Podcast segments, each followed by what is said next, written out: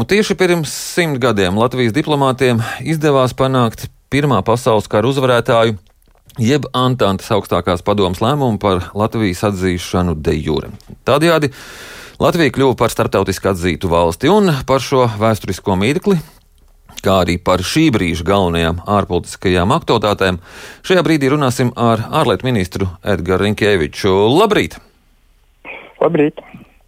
Sakiet, cik lielā mērā sabiedrība, sabiedrībā šobrīd ir novērtēta šī vēsturiskā diena, jūsuprāt? Starpkara periodā šī ir bijusi brīvdiena, piemēram. Es domāju, ka ņemot vērā to, ka pēdējos piecus gadus mēs īpaši svinējām mūsu valsts izveidi, sākot no Latvijas kongresa, protams, 18. novembra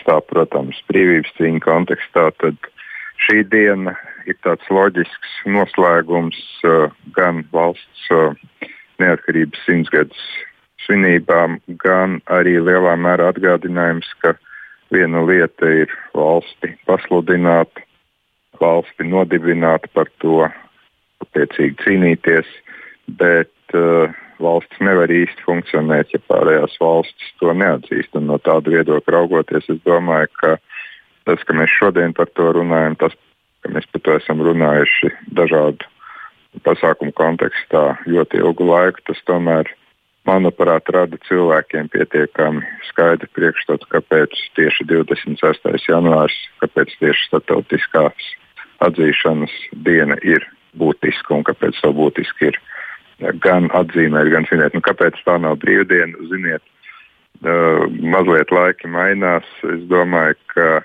nav tik svarīgi, lai tā būtu brīvdiena, svarīgi, lai mēs katru gadu tomēr par to runātu un par to atgādinātu. Tam ir lielāka nozīme. Mm -hmm. Jā, parasti šādos uh, apaļajās jubilejās salīdzina to brīdi un pašreizējo brīdi. Uh, cik lielā mērā tie izaicinājumi, kas bija to brīdi, un šie izaicinājumi, kas šobrīd ir mūsu ārpolitikas resoram, ir salīdzināmi vispār? Es domāju, ka jā, ir salīdzināmi, un jā, protams, ir arī būtiskas atšķirības. Uh, tas, kas uh, varbūt ir ļoti, ļoti līdzīgi. Startautiskā vide ir ārkārtīgi, es teiktu, tāda vētraina. Gan pirms simts gadiem, kad sabruka vairākas impērijas, gan faktiski bija ļoti nopietnas, joprojām problēmas uh, ekonomiskā ziņā. Starp citu, neaizmirsīsim arī, ka pirms simts gadiem plosījās um, spāņu gripa, kas arī bija diezgan, jāsaka, liels pārbaudījums pasaulē. Uh, nu, teiksim, tie apstākļi ir ļoti salīdzināmi. Tā neskaidrība, tas uh, lielais vētrainais pārmaiņu process notika gan tad, gan tagad. Otra lieta, kas neapšaubām ir salīdzināma, ir tas, ka nu, nelielām valstīm gan pirms simts gadiem, gan arī tagad ir ļoti svarīgi, lai starptautiskās tiesības, lai starptautiskās organizācijas, tobrīd tā bija viena tautas savienība, mums tagad ir daudz vairāk, lai tomēr tās būtu funkcionēt spējīgas. Un, uh, gan pirms simts gadiem, gan tagad tomēr bija gana daudz valstu, kas šo uh, starptautisko kārtību vēlējās pārvērtēt. Kas ir tas atšķirīgais? Un kas ir ļoti būtiski, kāpēc pirms simts gadiem Latvijas diplomātu veikums ir uh, tiešām ļoti svarīgs valsti starptautiski de jure atzīst vienreiz, un tas ir uz visiem laikiem. Mēs uh, atceramies, ka pirms 30 gadiem, atjaunojot neatkarību, mēs ļoti stingri uzstājām, ka Latvijas republika jau de jure eksistē, tā tikai tika okupēta. Un mums tas, starp citu, palīdzēja 90. gadu sākumā un palīdz joprojām daudz jautājumu risināšanā. Jā, toreiz spāņu gripa, tagad mums eh, covid-19. Lūk, tā Eiropas Savienība nu pat ir brīdinājusi farmācijas kompāniju AstraZeneca par kavēšanos ar solītajām uh, vakcīnām. Uh, veselības ministrs Daniels Pavļuts ir aicinājis jūs iesaistīties šī jautājuma risināšanā. Kādas ir jūsu iespējas kaut ko darīt šobrīd? Nu, pirmkārt, es gribu atgādināt, ka mēs jau esam iesaistījušies uh, vairākas reizes, tostarp pagājušā gada decembrī uh, Pfizer vakcīnu piegādē. Mūsu iespējas ir kopā ar pārējo valstu kolēģiem strādāt ar komisiju. Mēs to darām, mēs atbalstām veselības uh, ministriju. Uh, es gan gribētu arī teikt, ka šobrīd Eiropas Savienībā man bija arī uh, vakar uh, sanāksme Eiropas Savienības ārlietu ministru līmenī. Tiek daudz strādāts, lai uh, piespiestu šīs lielās kompānijas pildīt savas saistības, jo Līgumi ir noslēgti, līgumi gan ir noslēgti dalību valstu līmenī, nevis Eiropas Savienības līmenī, un pie tā strādā, un šis spiediens tiek darīts. Bet, nu, ir, protams, jāsaprot, ka uh, šī problēma pašlaik ir visām dalību valstīm. Ir jāsaprot to, ka ir šie līgumi pašlaik uh, tādi, ka nelielas interpretācijas ir iespējams, bet Eh, es neizslēdzu to, ka Latvijai, kas ir noslēgusi arī šos līgumus, ja tiešām šī problēma turpinās, būs arī ar šīm kompānijām jātiesājās. Tāda iespēja arī pastāv, jo līguma paredzētās saistības netiks izpildītas. Tad, protams, eh, šajā gadījumā par šo jautājumu būs jāspriež gan kabinetā, gan eh, kolēģiāli, gan Tieslietu ministrijai, gan Veselības ministrijai, gan Protams, pārējām ministrijām pie šī jautājuma būs nopietni jāpiestrādā. Bet, nu, protams, ka tas spiediens šobrīd gan Eiropas līmenī, gan dalību valstu līmenī pret kompānijām tiek izdarīts. Mēs uzskatām, ka tas nav godīgi, ka šīs saistības netiek pildītas sevišķi Astrēdas Zeneka, kur ir saņēmusi vakcīnas izpētēji un, un attīstībai arī diezgan ievērojams Eiropas Savienības līdzekļus. Tā kā šis jautājums ir ne tikai veselības vai ārlietu ministrijas, tas ir arī premjeru, prezidentu un visas Eiropas Savienības nu, šobrīd galvenais prioritārais jautājums. Bet, ja aiziet līdz šādam tiesas procesam, tad Latvija atsevišķi tiesājās, ja tiesāšanās tomēr arī notiktu tā Eiropas Savienības līmenī. Bet uh, līgumus slēdz dalībvalsts. Uh, un, uh, šajā gadījumā šādus līgumus uh, ir noslēgusi katra dalībvalsts atsevišķi, un katra dalībvalsts arī par šo vakcīnu piegādi uh, maksā. Es domāju, tas noteikti būtu koordinēts process, bet uh, pati tiesvedība kā tāda ir uh, katras dalībvalsts atbildība. Jautājums par robežu slēgšanu. Tas šobrīd ir aktuāls un to, vai to, to ir vērts apspriest? Jautājums par robežu slēgšanu nav aktuāls.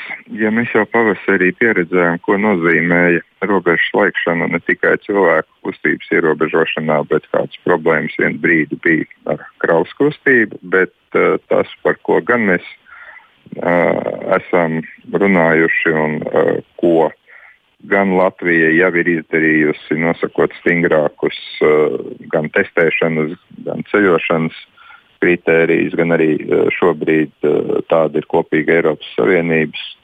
Gan rekomendācija, tā nav tāda obligāti pildām, bet es domāju, ka mums to vajadzētu noteikti ieviest. Ir tas, ka tiek maksimāli ierobežota cilvēku ceļošana, ja vien tas nav nepieciešams darba vajadzībām, uh, vai nu tiešām nav kāda ārkārtas situācija ģimenē vai kādas citas ļoti neatliekamas vajadzības ceļošana vienkārši prieka pēc vai, vai citu iemeslu dēļ uh, tiešām tiek maksimāli ierobežot, un no tās mēs esam jau gandrīz gadu aicinājuši izvairīties. Tā kā uh, tiek darīts viss, lai uh, šo ceļošanu, kas nav tiešām būtiski iemeslu dēļ, ierobežotu, tiek noteikti uh, testi uh, eh, 72 stundu laikā ir jābūt negatīvam testam, lai jūs vispār varētu kustēties, un arī pašizolācijas prasība. Un ar visu to mēs gan aicinām, gan arī stingri iesakām neceļot.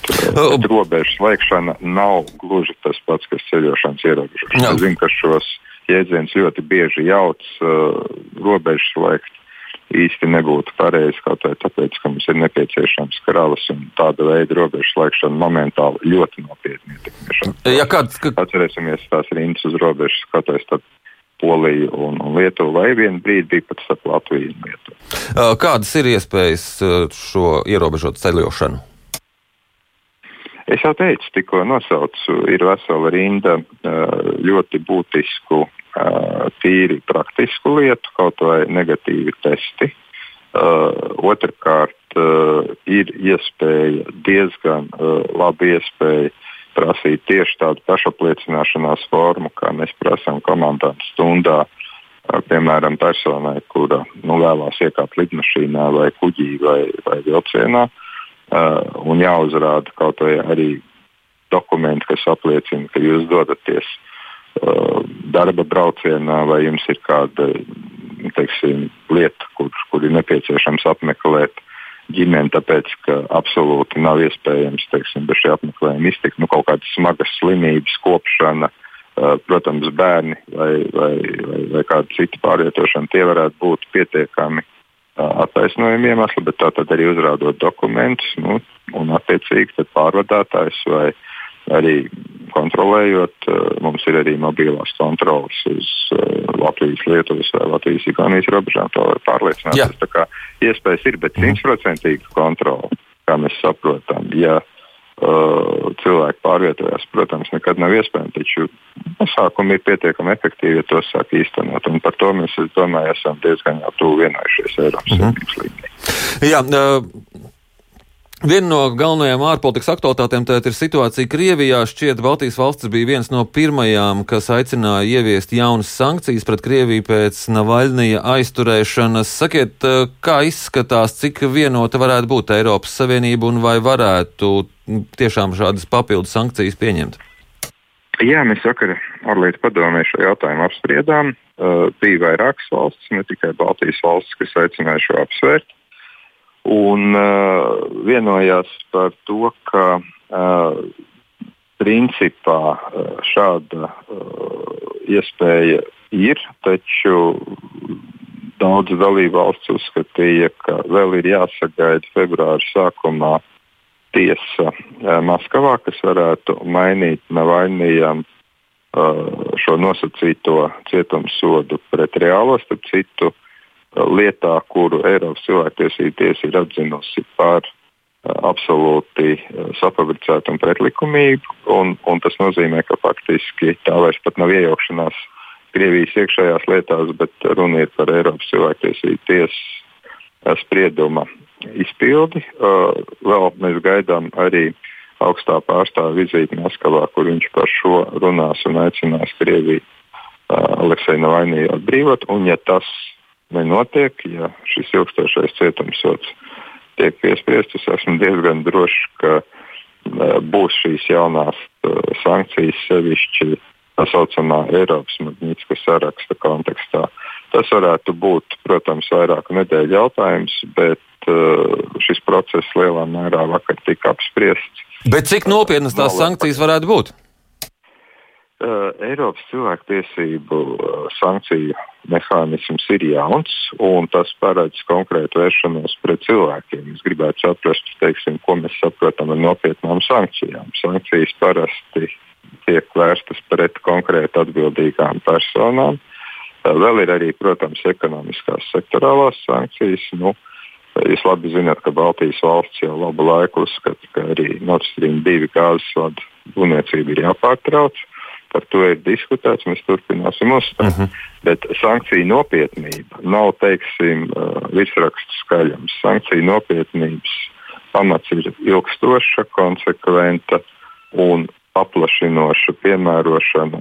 Tas nedod tādu efektu, ka šodien Jā. ieviesām, rīt kaut kas mainīsies. Diemžēl ja daudz domā, ka tādā veidā lietas atrisinās, nepastieties pasaules praksi, mhm. -huh. bet ilgstoši uzkrājošā efekta teiksim, lietas tomēr ir diezgan nopietnas. Jautājums par sankciju nopietnību ir vecs mm -hmm. kā pati sankcija. Jā. Teiksim, mehānika, bet es uzskatu, ka ilgstošā laika posmā tas ir nopietnas. Kaut vai atceroties, kas notika ar Irānu savu laiku, vai kas notika savu laiku ar Padomju Savienību. Ilgstoši, bet tomēr ietekmīgi. Jā, liels paldies jums par šo sarunu. Atgādinu, ka mēs sazinājāmies ar ārlietu ministru Edgars Rinkēviču.